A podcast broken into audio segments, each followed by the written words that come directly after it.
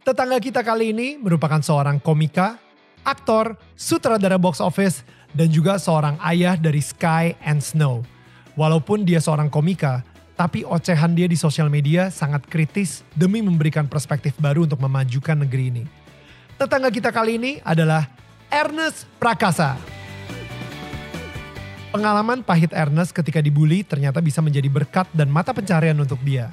Banyak rahasia dari prinsip hidup Ernest yang gue dapatkan dari obrolan kita kali ini. So, langsung aja, inilah kisah tetangga kita.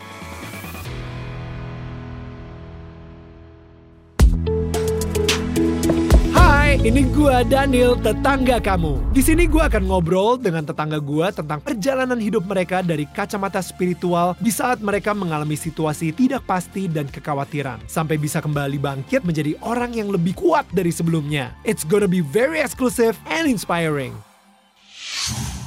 Oke, kita udah kedatangan the talented Mr. Prakasa. Cih. Ada Prakasa. Ernest Prakasa di sini, bro. Ah, So happy that you're here. Gua kurang happy nih. Kenapa? Karena angle gua kiri, harusnya gua di situ. Maaf banget, sorry. Ini kursi hostnya di boleh sini. gini aja gak? Jadi gini nih. Lu Jadi- gila, ternyata sebagai sutradara lu banci tampil parah ya. Maksudnya Iya, kayak kan sorry ya, Sebelum angle. sutradara kan gua aktor Oh, dulu iya, kan. Iya, iya, iya, bisa, bisa, bisa. Iya, Angle, angle, angle. Bro, Ya. you know, uh, gue nanyain Ernest uh, mau datang ke sini itu Hmm. karena sebuah uh, gue gak tau apakah itu masih sensitif untuk kita bicarakan Iya, atau iya, enggak. iya, iya. Tapi sebuah Instagram comment Iya, gitu kan. Um, we'll talk more about it karena Iya. gue pengen dig deeper di Oke, oke. di situ. Tapi gue uh, pengen bilang congratulations buat teka-teki Tika. Thank you very much man. Uh, empat hari yang lalu Iya. udah tayang, Iya. you know, secara nasional di bioskop, Iya. kesayangan anda, and itu itu gila banget sih. Lo um, berani ngeluarin film di saat-saat seperti ini. Ya to, uh, to be frank itu sebenarnya keberanian produser gue sih Pak Chan Parwes ya karena betul. dia uh, merasa bahwa uh, bioskop ini ya harus diramein lagi gitu, Right. harus dibalikin lagi hype-nya. Um, uh, dia merilis uh, beberapa film sekaligus berderet kan tuh ada Yovis Band, ada Yuni, ada Teka Teki Tika sama satu lagi ada uh, Cinta Pertama Kedua Ketiganya Gina Hmm, Esnur. Gina Esnur, Senang ya. dua minggu, dua minggu, dua minggu. Jadi ya kredit to sih yang berani. Semoga berhasil membawa Right. bioskop jadi rame lagi gitu. Amin, amin. Dan you know, gue pengen ngobrol dikit nih tentang teka-teki Tika gitu. Iya. Maksud gue, uh, to be honest, sorry banget gue belum nonton. Ini belum-belum udah promo, dia bisa promonya nyelip-nyelip di belakang nih Oh dari gitu ya, awal sorry udah loh. promo loh. Uh, biasalah MC, presenter. Nggak. Gak percuma gue bayar built-in mahal-mahal. Ayo, Mementingkan klien. ntar orang gak nonton, ah isinya jualan. Tuh udah next video. Salah strategi nih Daniel. Ntar taruh belakang aja editor ya. Tapi gini bro, enggak. Maksud gue gini, gue pengen ngomongin soal, lu kan kalau misalnya bikin film, pertama, eh bilangnya ngenes apa? Ngenes, ngenes, ngenes, ya. ya, ngenes. Pertama ngenes, ngenes itu based on your life story. Betul. Cek toko sebelah, based on your life story, Ah, you know, much, ya. um, eh, your lingkungan dan lain-lain. Iya. Imperfect, Meisha story, you know, um, dia bikin bukunya. uh, Merah, sorry. eh merah, I'm Iya, so sorry. Sorry. Eh, tapi Uh, sebelum itu ada susah sinyal dan uh, Mili Susah Mamet. sinyal Ya. sama Mili, uh, Mili Mamet. Ya. Mili Mamet itu I think uh, IP-nya udah cukup kuat sehingga Ya. lu yang kayak uh, apa ya lumayan pede lah untuk itu Ya. ya. Um, dan dan Imperfect sendiri with uh, Merah Story di Hmm. mana kayak dia um, merasa imper, merasakan si Imperfect tersebut Ya. sehingga akhirnya uh, bikin film itu inspired by her story juga. Hmm. Tapi teka-teki Tika bro, ini kayak it's a different universe. bukan bukan Iya. dari Ernest Prakarsa universe gitu, you know. Iya banget dan kalau ditanya kenapa ya gara-gara pandemi. Oke. Jadi ceritanya tuh em, ketika gue berusaha, jadi awal-awal pandemi itu gue belum berdamai dengan pandemi. Gue masih mindsetnya tuh gue nggak mau produktif dulu ah ntar aja kalau keadaan sudah normal baru gue mau produktif lagi. right. Because I find it so hard untuk bisa tetap bikin ide dan segala macam. Tapi akhirnya ya akhirnya setelah berapa lama ya? Cukup lama sih mungkin akhir 2000 at least 6 bulan lah masuk ke pandemi akhirnya gue sadar ini nggak akan sebentar nih urusan ini nih. Jadi Hmm. gue harus menerima bahwa untuk entah berapa lama ke depan this is our normal ya istilahnya. Right. new normal itu kan. Ya udah normalnya ya begini ya adaptasi gitu. Harus Hmm. beradaptasi. Ya udah dan gue coba untuk oke nulis lagi deh. Gue mencoba kembali ke ke skenario. Right. gue merasa stuck banget gitu. Dan akhirnya gue merasa mungkin secara psikologis ya ini analisis gue sendiri sih mungkin karena kita begitu banyak tidak berdayanya Hmm. jadi gue tuh pengen break free gitu nah salah satunya manifestasinya adalah break free dari pola skrip yang biasa gue bikin Right. jadi ketika gue mulai explore keluar dari komedi dan gue mulai explore yang lain kok gue nemu ide dan apa ya igniting um, excitement gitu Right. setelah gue lama merasa mati stagnan Hmm. eh gue excited nih sama ide ini dan itu ternyata ide eh teka-teki tika yang adalah Hmm. drama keluarga ya ada suspense ada misterinya Yeah. tapi itu yang bikin gue jadi semangat nulis Hmm. lagi gitu ya udah Hmm. gue terusin gue pitch ke produser gue eh, and then ya long story short akhirnya jadi dan memang sangat berbeda sekali sama eh, film-film gue yang udah-udah tapi ya why not lah dicoba aja It's taking risk menurut gue. eh, lo keluar dari comfort zone lo gitu ya. Yang kayaknya emang udah kehidupan sehari-hari. Kena di eh, orang banyak. Dan maksud gue ketika gue ngeliat trailernya pun juga kayaknya. Wow ini Indonesia udah siap belum buat ini gitu kan. Jadi kayak. Iya. em, dan mungkin Pak Chan Parwes pun juga nggak tahu pertama kali dia denger eh, ide tersebut apakah dia yang kayak excited kayak no you know what why don't we try iya, kayaknya juga dia juga merasa ada eh, mungkin karena ceritanya sesuatu yang beda, kayak cukup cukup walaupun udah senior tapi dia cukup eksploratif sih gitu. Oke. Jadi ya dan sebenarnya kalau bicara keluar dari comfort zone atau taking on new challenges, sebenarnya dari film ke film gue selalu melakukan itu tapi dalam skala yang mungkin tidak se ekstrim ini. Hmm. Misalnya contoh ketika eh apa namanya eh, imperfect misalnya yang terakhir Hmm, itu gue tackle isu yang very serius dan very cewek gitu right cewek banget dan itu Right. buat gue kayak gue gimana ya tanggapan orang-orang mulai dari yang feminis, feminis garis keras, feminis moderat, orang awam, orang yang Right. tidak peduli sama Iya, orang tricky. yang Ya. eh, patriarkis gimana? Maksudnya Ya. gue gue memikirkan gitu. Ya. Jadi di film Imperfect tuh hal pertama yang kita harus eh, tentukan gue sama Maira adalah stance kita di mana. Kita menyoroti isu ini kita berdirinya di mana. Hmm. Kalau kita udah yakin sama posisi berdiri kita, nanti kalau ada debat atau ada uh, kritik atau apa, kita bisa bisa pertahankan posisi kita karena kita tahu stance Hmm. kita di mana. Jadi itu Hmm. juga sebuah resiko yang buat gue huge leap sebenarnya, Hmm. walaupun tidak se ekstrim yang teka-teki tika gitu. Hmm. Milih Mamet juga resiko mengadaptasi IP yang udah Right, gede yang banget. kuat ya, ya. there's always Hmm. Susah sinyal gue syuting di Sumba gitu yang yang very risky in terms of technical gitu. Gue harus Hmm. bikin, gue literally harus bikin jalan Nil. Jadi akses ke air terjun itu nggak bisa dilewati mobil. Walaupun gue nggak bikin hot mix ya, karena gue bukan, gue bukan sendiri. waskita karya nih. Gue nggak bisa bikin hot mix. Tapi gue bikin tim produksi gue sampai bikin jalan. You know toilet portable yang biasa dibuat konser itu Ya. digotong pakai galah sama enam orang untuk turun ke air terjun. Otherwise talent gue kalau kita lagi syuting, oh mau ke toilet harus jalan jauh banget. Jadi wow produksi gue bener-bener ini banget bener-bener gokil kerja keras banget tapi ya itu it's it's a pengalaman baru jadi sebenarnya gue selalu pengen nyoba sesuatu yang baru selalu pengen mencoba tantangan baru karena nggak tahu gue kena banget loh sama itu loh sama sebenarnya klise sih cuman kan yang the very famous um, Steve Jobs credo itu yang stay hungry stay foolish Ya. itu nggak tahu kenapa buat gue itu nyangkut banget gitu si stay Hmm. hungry stay foolish itu kayak apalagi gue udah berkarya misalnya dari hitung dari gue stand up ya sampai 2000 dari 2011 gitu sampai sekarang banyak banget yang ketika muncul wah ini bakal gokil hilang begitu aja gitu because they stop being hungry and stop being foolish menurut gue gitu Hmm. bahkan elemennya hungry itu kan kita bicara soal belajar hal-hal baru dan foolish itu ya humility gitu jangan Hmm. lo ngerasa pinter Hmm. Selalu ngerasa kalau eh gue mah belum ada apa-apanya kayak gitu. Iya. Dan menurut gue itu hal yang sederhana tapi nggak tahu kenapa ke gue nyangkut banget dan ya gue amini banget. Hmm, hmm. Lo dari pertama misalnya gini deh, eh, ngenes gitu ya, di mana it didn't do so well dan mungkin em, orang-orang banyak yang nyela, eh, lu juga sempat ngomong kayak, oh ini kok kayak FTV banget gitu, salah Iya. satu netizen lah yang bilang kayak Iya. gitu kan. Nah, kenapa lu nggak stop di situ? Lu ngerasa, oh you know what, mungkin sutradara is not really not for me gitu. Dan dan tapi lu tetap berani eh, untuk ngambil keputusan tersebut dan eh, ya like do it again dan sampai akhirnya di cek toko sebelah booming gitu. Oke, jadi ceritanya itu kan gue mulai masuk ke film itu Comic 8 kan. Right. Sebagai actor. Aktor, Ah, iya. Sebagai actor. Jadi sebagai aktor kan gue lihat tuh sutradara kerjanya kayak gitu gitu. Gue lihat Anggi Umbara gila ribet banget kerjaan sutradara. Jadi ketika gue bawa naskah uh, ngenes terus kata Hmm. Pak Parwes, ya udah kamu aja yang nyutradarain sekalian. Gue bilang nggak bisa lah Pak, saya kan bukan sutradara. Hmm. Gue nggak pernah jadi kru film sama sekali. Gue hanya pernah jadi aktor doang gitu. Right. Tapi dia meyakinkan yang dia lihat adalah angle-nya bahwa kalau gue baca buku-buku lu, lu itu storyteller.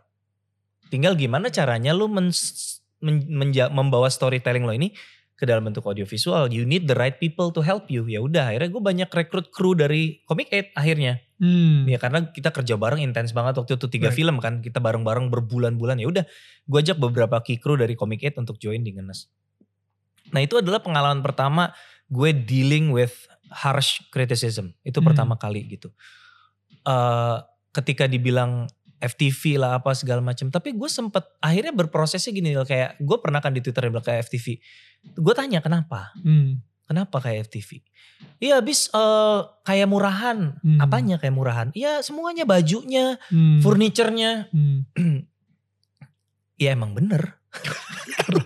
Apa Dikasih emang budget. budgetnya kecil. ya Dikasih kan namanya budget. sutradara baru. Masa langsung dikasih duit puluhan miliar kan gak masuk akal dong. Namanya Iya, lu iya. sutradara baru belum tentu bener dibikin film. Dulu lah kasih duit kecil dulu. Make sense dong. Iya. Jadi it's fair enough menurut gue. Dan dan gue merasa di situ gue belajar untuk nggak kenapa kenapa gue nggak stop dan gue putus asa dan sakit hati kayak capek ya bikin film kalau dikritik gini karena on the other side of the coin Nil gue merasakan bahwa gini gue tuh nggak lo percaya nggak? Gara-gara film ngenes itu kan film ngenes itu buat teman-teman yang belum nonton cerita tentang gue dibully dari SD sampai SMP di Cina-Cinain selama zaman Orde Baru sampai pada titik di mana gue nggak mau nikah sama Cina Hmm. gue mau nikah sama pribumi supaya anak gue nggak ngalamin apa yang gue alamin. So that's the whole premise of ngenes. Right. Sebenarnya berat banget sebenarnya. And Wow. that's what happened in real life. Makanya gue nikah sama Mera. kan, yang totally not Chinese walaupun kebanyakan nempel sama gue dipanggilnya Cici juga. Padahal kagak ada Cina-Cina sama sekali. Jangan khawatir. Bro, bro, bro, bro. Apa? Viola istri gue Jerman bro. Dipanggil Cici juga. pakai cici Viola juga. Oke kalau itu kebangetan sih. Kalau itu harus cek mata sih lebih ke katarak kayaknya isunya kalau itu. So film itu eh ketika rilis banyak orang yang media tuh banyak nanya pertanyaan yang sama. Pertanyaannya adalah gini, lu bahas orang-orang Cina gitu, emang orang-orang Cina nggak pada tersinggung? Hmm. It's totally on the contrary. Ada keterwakilan di situ. Gitu. Right. Ada keterwakilan kayak, man that's the story of my life. Yeah. Dibully di Cina-Cinain di sekolah. It's story of Ya. perhaps um, hundreds of thousands or millions of people, uh, Chinese people in Indonesia, in Indonesia. Indonesia gitu. Ya. Dan yang lebih ekstrim lagi bukan cuman kata-kata seperti thank you Ernest gila gua ini gua banget gua nggak-" tapi on on the other side I have my junior high uh, friends WhatsApping me saying they're sorry for what happened. Percaya nggak lu? Uh, Gila ya ternyata segitunya ya efeknya ya ke lu gitu. Wow. Gue jadi merasa bersalah gitu. Wow. Nah, ketika itu terjadi, gue tersadar bahwa cinema is magic, man. Hmm. Especially cinema ya, karena kalau lu nonton di layar kecil di rumah, sulit untuk dapat kehusyuan yang sama gitu. Right. Iya kan gitu, Right. lo bener-bener fokus dengan layar besar dan sound system yang baik. Yap. Dan itu yang membuat gue, oke, kalau memang ini bisa segini impactfulnya, kayaknya oke amin gitu. Karena Hmm. gue misi gue ya gue pengen bring an impact gitu seperti yang gue taruh di bio gue gitu hidup itu perkara bukan perkara durasi tapi perkara kontribusi kan lo hidup lo lama juga kalau ya, ada kontribusi iya. ya sama Yesus juga aja 33 tahun gitu kan tapi sekarang Iya, durasinya pendek banget. pendek Bang. 33 tahun gitu kita udah udah melebihi uh, Iya, lumayan thank God ya. Thank God. jadi Iya. buat gue ketika gue sadar itu oke ternyata membuat film itu gila banget ya Hmm. seru banget ya bisa bisa mengubah persepsi orang, bisa ngasih orang sudut pandang yang baru. Ya that's when I fall in love with making movies. Sebelumnya sebenarnya gue tuh udah cinta banget film sebagai penonton. Dulu tuh kalau lo lu gede di daerah Jakarta Selatan gak sih? Di Australia. gue. Oh iya sorry, Hmm. Pak Bule. Sah. Hmm. Ma- maaf Di- saya di Ada Wijaya Grand Center tuh ya. Dulu ada bioskop namanya Empire. Di situ tuh ada bioskop yang seatnya unik banget men. Jadi ada satu section yang dia bersusun ke bawah and then dua dua satu. Jadi ada satu seat. Ada dua seat di kiri kanan yang satu seat doang. Sendirian gitu. sendirian.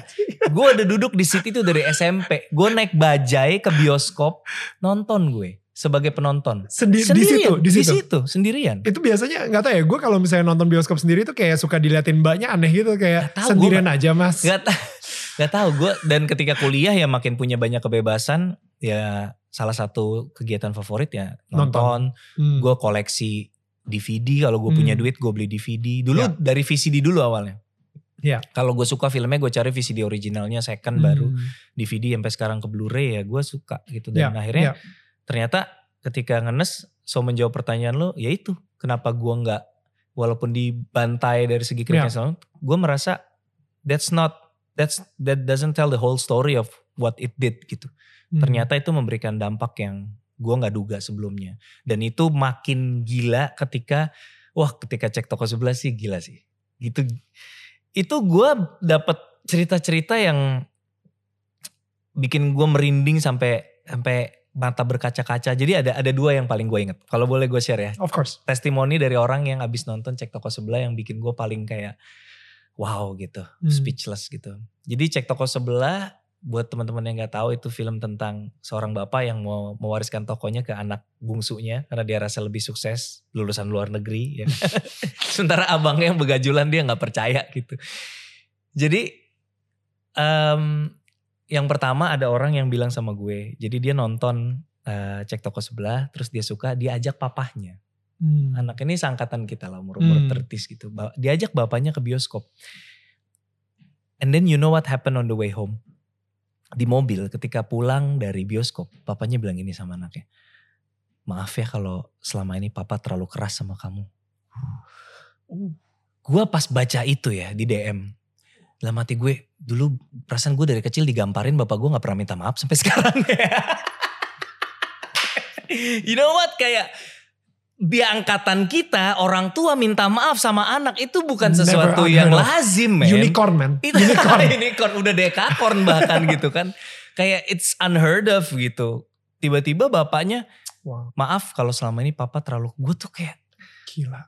gue blown away sama kejadian satu lagi adalah ada orang cerita agak panjang jadi kan cek bapak dia bilang papahnya ini kayak si Koafuk di cek toko sebelah dia tinggal sendiri di sebuah toko Hmm. yang cukup besar rukonya Hmm. anak-anaknya ini udah tinggal masing-masing maksud dia tuh udah papa jual aja kita beli rumah yang lebih kecil bikin toko yang lebih kecil sayang ini nah Right. tapi bapaknya tuh nggak pernah mau Hmm. meninggalkan itu. Nah jadi setelah nonton dia DM si anaknya DM gue dia bilang aku baru ngerti sekarang kenapa papaku nggak nggak mau keluar dari rumah itu gitu. It's whole his it's his whole life story. Ya.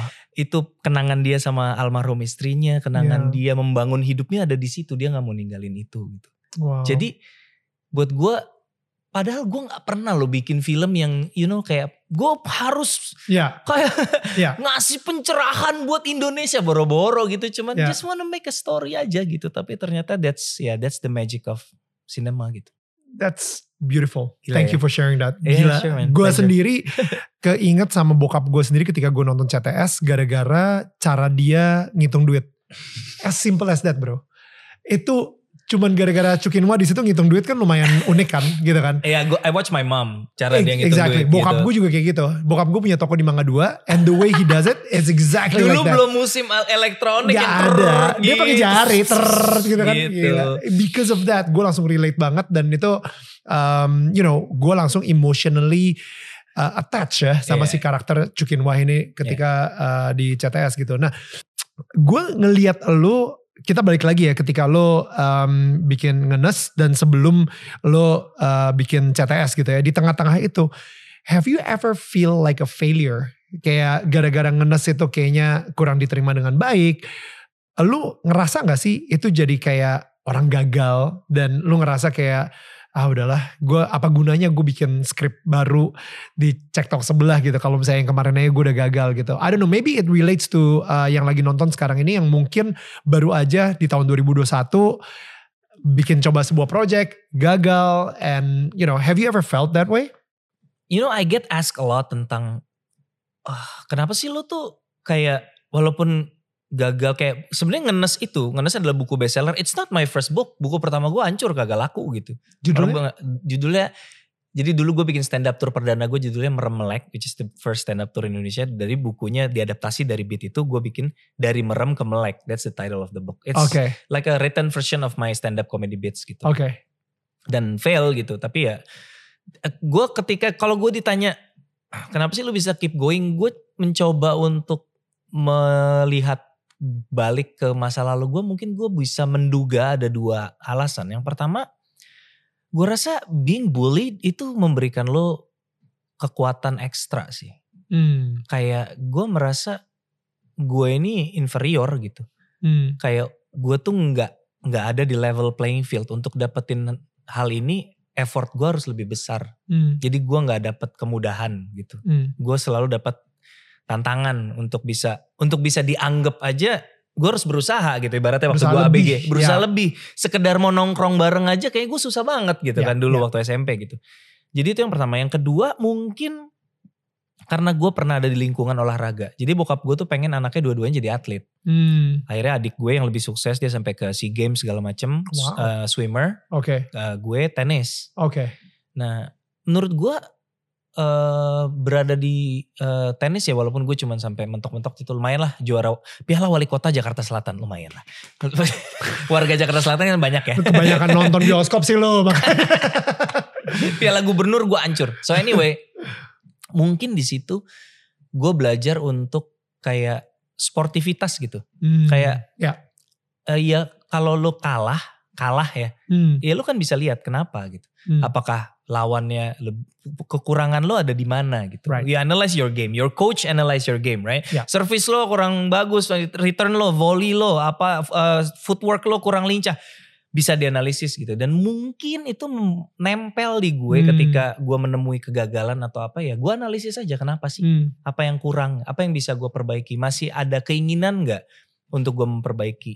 Keinginannya semangatnya datang dari komentar-komentar yang tadi itu. hmm. Jadi walaupun gue tahu apa yang salah pun belum tentu gue semangat untuk melakukan kan kalau misalnya udah kayak lemes Hmm. duluan gitu. Tapi Ya. karena ya tadi komentar-komentar yang teman SMP gue WhatsApp minta maaf itu buat gue kayak Energi baru oke lagi. gue harus Ya. harus harus Wow. jangan nyerah dulu lah. Ayo coba lagi gitu. Sampai Hmm. akhirnya di ah, cek toko sebelah. Gitu. Hmm, karena wow, yang dari buku gagal aja untuk bikin ngenes buku aja itu juga lu udah sempat ngerasin kegagalan tersebut dan gua gua gak tahu ya, I think there is something eh gu- bro, gua akhirnya jadi ke atlet-atletan sekarang ini because um, gue ngerasa kedisiplinan itu emang Hmm. bisa didapetin kalau misalnya lu mempunyai olahraga yang konsisten. Oke. Uh, makanya gue akhirnya Lari ya? gila maraton gitu kan Hmm. karena um, kalau misalnya gue nggak excuse me kalau misalnya gue nggak lari maraton eh, sorry kalau misalnya gue nggak lari tiap hari nanti gue suffernya di maraton jadi gue mau nggak mau harus membangun kedisiplinan tersebut gitu and I feel like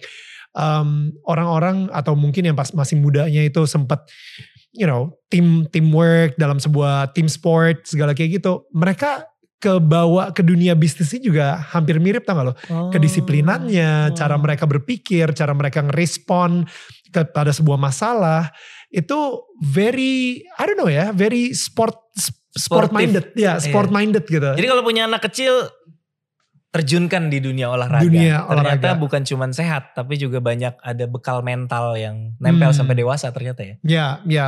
So, I want to talk more now tentang uh, you know apa yang apa yang kita bicarain. Well, basically karena biasanya nih gue ngobrol tuh tentang origin story seseorang dari kecil sampai kita udah bisa nonton semua itu. Gak perlu di sudah ada, bisa Iya. baca bukunya, ada tiga buku, ada berapa buku? Tiga buku bener ya? Eh, tiga buku trilogi ngenes ada tiga buku Ah. sebelum itu ada dari Merum ke Melek terakhir kali gue nulis buku tuh setengah jalan setengah jalan itu stand up tour gue tahun 2017 yang uh, beat beat best beatsnya gue bukukan Oke, nah itu semua cerita hidupnya Ernest itu udah ada di situ semua. Jadi menurut gue ya udahlah ya, gue nggak perlu ngomongin soal origin story-nya dia juga gitu. Tapi gue sekarang lebih pengen ngomongin soal um, Insta- komentar Instagram kita ini ya, bro. ya. I love it. Oke. Jadi, uh, oh actually no, you know what? Sebelum ke situ, uh, di Instagram gue ngeliat lu sering banget mempunyai sebuah uh, perspektif yang gue sendiri juga mind blown sampai gue nggak tau kalau misalnya lu suka ngeliatin gak sih analyticsnya gitu kalau misalnya di Instagram kalau Paling cuman views sama komen sih, nggak Nggak ya? sampai yang kayak analytics gitu sih. gue penasaran orang ketika nonton ocehan Ernest itu sampai habis nggak? Oh. You know like dan berapa persen dan lain-lain. Oke, Lu suka ngeliat terakhir kali gue cek ada satu video yang gue cek itunya tuh kurang lebih yang nonton sampai habis 30 persenan lah kurang That lebih. is huge man. Oh, itu gede Itu segitu? gede man. Oh segitu tuh gede ya? Gede. Gue aja ya seneng kalau misalnya 5 persen. Ya karena video lo berapa durasinya kalau gue ngoceh paling kan gak nyampe 10 menit. Paling 10 menit udah paling lama banget. Tapi bro, jadi maksudnya gini, gue adalah salah satu dari 30% itu. Gue nonton benar-benar sampai habis, bis-bis gitu kan. Oke. Dan itu eh, nggak nggak apa ya, nggak banyak orang yang gue follow dan gue nonton IGTV-nya sampai habis. Gue literally gue udah kayak agak-agak garis keras sebenarnya sama lu nih malahan gitu kan. And what I like about it di Instagram di Ocehan Ernest itu, lu confront sesuatu yang kita udah anggap normal. You know, um, sebuah dysfunction yang terjadi di negara ini, lu confront dengan cara lu dan kita mikirnya oh ini Ocean apa Ocean Ernest mungkin dibalut pakai komedi, pakai pakai stand up ya. Nggak ada sama sekali. gila lu kalau marah lu marah aja gitu. Lu kayak kecewa lu kecewa aja. Iya. Em, banyak hal yang udah yang yang mungkin yang besar ya yang sempat Hmm. terjadi ketika lu komentar soal anak di bawah umur di Indosiar misalnya itu satu salah satunya Eh, abis itu em, well itu yang paling gue inget sih ada berapa banyak ya Eh, Ya adalah Warkop beberapa. DKI em, ketika dia eh, bilang kayak haters Iya. will make me famous, Famous, iya. ya kan dan eh, oh yang gue suka banget ini yang terakhir eh, yang gue suka banget bahwa ternyata di sosial media itu bukan jendela tapi merupakan etalase bro I think it's genius gitu maksud gue em, lu bisa ngedapetin kata-katanya sebuah bahasa yang gue sendiri juga gue tahu sih emang Iya. ini it's a showcase Iya, tapi iya. gue nggak pernah nge kalau misalnya lu taruh jendela versus etalase gitu ngerti gak lu jadi kayak man dan lu ngekonfrontasi sesuatu yang mungkin kita anggap kayak ya udahlah emang ini Iya. Indonesia normal aja lah and then you confront it dan orang juga setuju sama itu tapi ada juga banyak yang gak Iya. setuju juga Hmm. Um, oh ya tentang misalnya pas ya banyak sih actually gue gue nonton karena nontonnya saking banyak itu gue yang kayak um, how do you pertama ya kok lu nggak takut untuk mengkonfrontasi sesuatu yang sifatnya kontroversial dan gue gue tahu banget lu bener gitu dan gue sendiri ya gue sendiri adalah Hmm. orang yang mungkin ada di sebuah uh, kedewasaan tertentu yang nangkep gitu Hmm. ah iya sih bener sih gue nggak pernah ngeliat dari angle ini dan yang lu bilang ini bener banget Uh, kok lu berani gitu Um, where do you got the balls atau the guts to do it man Kenapa harus nggak berani? Ancamannya apa emang menurut lo? Um, banyak orang suka main aman di mana mereka takut kehilangan follower, di mana mereka dipikir takut cari sensasi, di mana apalagi lu seorang stand up komedian yang harusnya lu lucu, Oke. tapi lu nggak menghibur, right? Banyak banget sih yang komentar-komentar. Halah setiap ada apa-apa eh, pansos mulu, ngomentarin mulu kayak Right, gitu. right, right, right. Cuman right. ya udah kebal sih sama yang begitu-begitu. Because um, karena sering kali gue gue di drive sama eh, why yang kuat gitu no. Oke, The what the what and the how comes from the why gitu. right. Jadi bukan cuma apa dan kenapa dan bagaimana, eh, sorry bukan hanya apa dan bagaimana, tapi kenapanya itu yang menjadi pondasi kan. Hmm. Maksudnya kayak biarin aja misalnya gue gua memberikan perspektif gue tentang yang isu sesuatu isu gitu, terus dibilang pansos. Ya kalau misalnya orang bilang pansos nggak apa-apa, kan gue tahu alasan gue kan bukan itu. So ya udah gitu. Jadi gue nggak merasa nggak merasa ada takut, nggak merasa kayak apa ya ancamannya enggak sih selama eh, yang gue analisis adalah ini isu seberapa sensitif Hmm, eh, potensi backlashnya kayak gimana Hmm. gitu dan kadang-kadang gue salah gue minta maaf kalau gue salah gitu tapi kalau gue sampai ngomong ya berarti mungkin dari panggung stand up tuh kita terbiasa untuk mengungkapkan keresahan gitu ya. Hmm, jadi gue resah nih soal ini gitu. Ya udah gue ngomong gitu. Hmm, platform sosial media gue inilah peruntukannya Hmm. buat gue gitu. Kan orang menggunakan platformnya beda-beda caranya. Ya. ada yang sekedar pure bersosialisasi sama teman-teman ada yang galerinya harus estetik gitu. Hmm. kalau gue ya pengennya gue ngasih perspektif baru ngasih Hmm. pemikiran-pemikiran gue syukur-syukur itu jadi. Karena gue percaya banget ya salah satu hal yang bisa merubah orang itu perspektif. Oke. karena kadang-kadang orang tuh nggak salah gitu. Kita tuh berseberangan sama orang bukan salah bukan salah. Misal kita nih berseberangan dalam satu bukan salah gue bukan salah lu. Emang kita dibesarkan dengan cara yang berbeda oleh orang tua yang berbeda dengan values yang berbeda lingkungan yang berbeda jadi kita berbeda gitu. Hmm. tapi siapa tahu kalau gue bisa ngasih pandangan gue ke lo lo jadi lebih iya juga ya itu yang gue cari sebenarnya Hmm. itu yang gue cari gue percaya banget perspektif itu bisa bisa me apa ya mem- memperluas wawasan lah at least lo nggak mati di satu perspektif itu memandang Hmm. sesuatu tuh nggak yang kayak gitu doang coba gue tawarkan perspektif lain nih menurut lo gimana tau kan kalau lo nggak setuju ya udah gitu Hmm. nggak apa-apa Hmm. Tapi- Iya, tapi nggak setujunya ngegas gitu. ya nggak apa-apa juga. Eh, gue nggak harus nggak sungkan buat ngeblok sih kalau karena gini gue udah udah cukup lama di Instagram untuk bisa membedakan orang yang komentar kritik yang normal dan kritik yang memang apa niatnya memang nyela atau maki atau apa itu kan udah kerasa lah. Maksudnya banyak kalau di gue yang eh, menurut aku sih nggak begitu kak karena gini-gini ya. Gue bisa ngebaca oke dia nih beneran Hmm. bukan punya maksud jahat emang dia nggak setuju dan dia mau mengutarakan pikirannya silakan kadang-kadang gue like gue reply gitu tapi Wow. kalau misalnya kata-katanya kasar terus kerasa tone-nya tuh tone nyerang yang Hmm. apa sih gitu maki-maki ala apa nih ya gue blok aja ngapain gitu gue blok itu buat gue maaf ya teman-teman kalau Ya. pernah saya blok tapi blok itu sahabat terbaik saya. Iya. saya ngeblok orang nggak pakai mikir benar tuh Iya bener gue juga itu olahraga terfavorit gue kadang-kadang kalau misalnya lagi pagi-pagi. Eh, tapi lu gak takut sama netizennya? Atau lu gak takut gak disukai? Atau lu gak takut gak populer lagi gitu misalnya? Gak sih karena buat gue gue nggak nyari validasi juga gitu maksudnya kayak gak- kan gue memandang oke gue nih apa sih gue nih seniman komedi Ya. karya utama gue apa sih karya utama gue tadinya stand up sekarang bergeser jadi film. Stand up jadi take a back seat gitu. Hmm. walaupun gue kangen banget dan pengen balik lagi. Wait, ketika lu jadi stand up comedy, lu uh, comedian sorry, ketika lu jadi stand up comedian, uh, you're supposed to entertain people, Ya. nggak membuat mereka marah. But sometimes people are offended right? You know?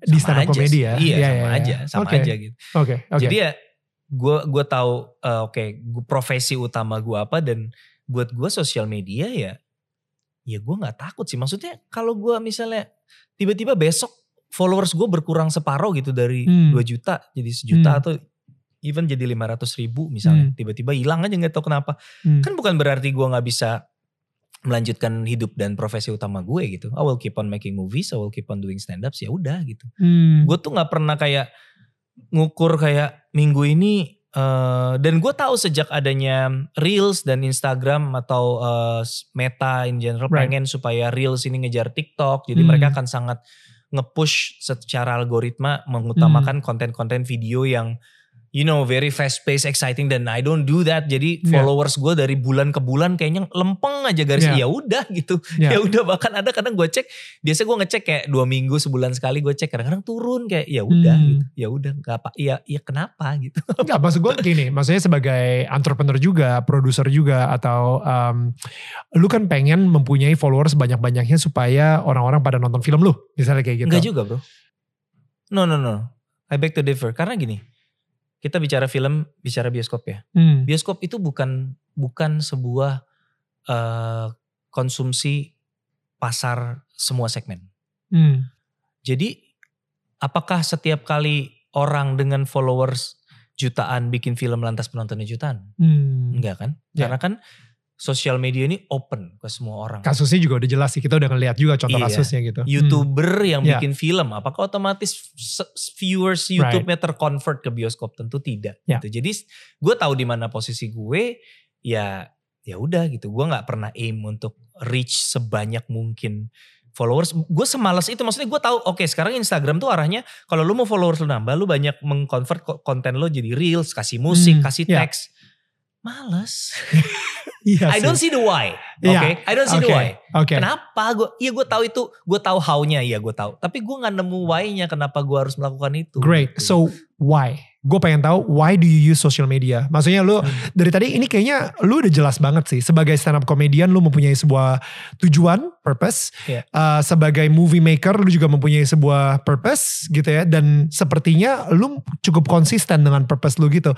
Tapi kita masih belum tahu nih why? What is why-nya, the why-nya benang merahnya dari yang tadi gue bilang buat gue itu eh, hidup itu bukan soal durasi tapi kontribusi. kontribusi So, apa? Kontribusi dalam hal ini menurut gue yang sesuai sama karakter gue dan platformnya adalah gue memberikan buah pemikiran gue buat menawarkan orang perspektif yang berbeda terhadap sebuah hal gitu. Hmm. Jadi buat gue itu kontribusi gue. Syukur-syukur orang yang tadinya uh, memandang sesuatu dengan cara yang sangat buruk menjadi oh iya gitu. Sebenarnya end game-nya sebenarnya gue tuh pengen meminimalisir gini. Gue tuh percaya ada banyak banget konflik ya di antara kita itu karena kita kan terbangun stereotip gitu. Ya. Kayak lu udah punya persepsi sama sama suku tertentu, agama tertentu, dandanan tertentu gitu.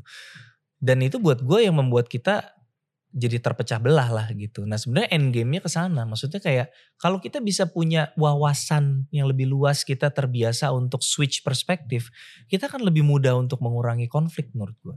Gitu. Wow. Ya nggak Hmm. sih kalau lo ngerasa bahwa oh orang yang kayak gini, oh Cina pelit gitu kayak gitu, Hmm. atau uh, works both ways sebenarnya yang Ya.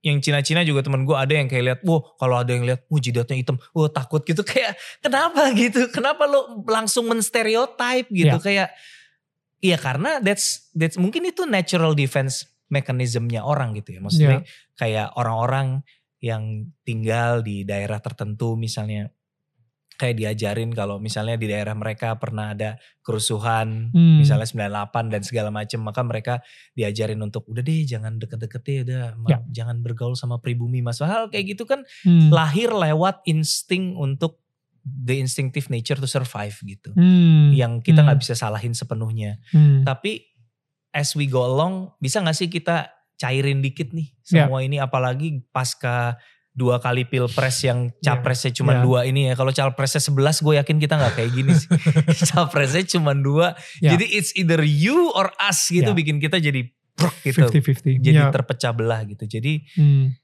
itu sih eh, misi besarnya sebenarnya pengen bisa nggak ya kita ngasih perspektif perspektif perspektif perspektif supaya syukur-syukur mengurangi kebencian syukur-syukur bisa menambah empati gitu sih That's beautiful. What a story. Guys, thank you for listening to this podcast. Tapi tenang, ini baru part pertama. Masih ada part selanjutnya. So, biar kalian gak ketinggalan, yuk di follow dulu. Ingat ya, Daniel tetangga kamu.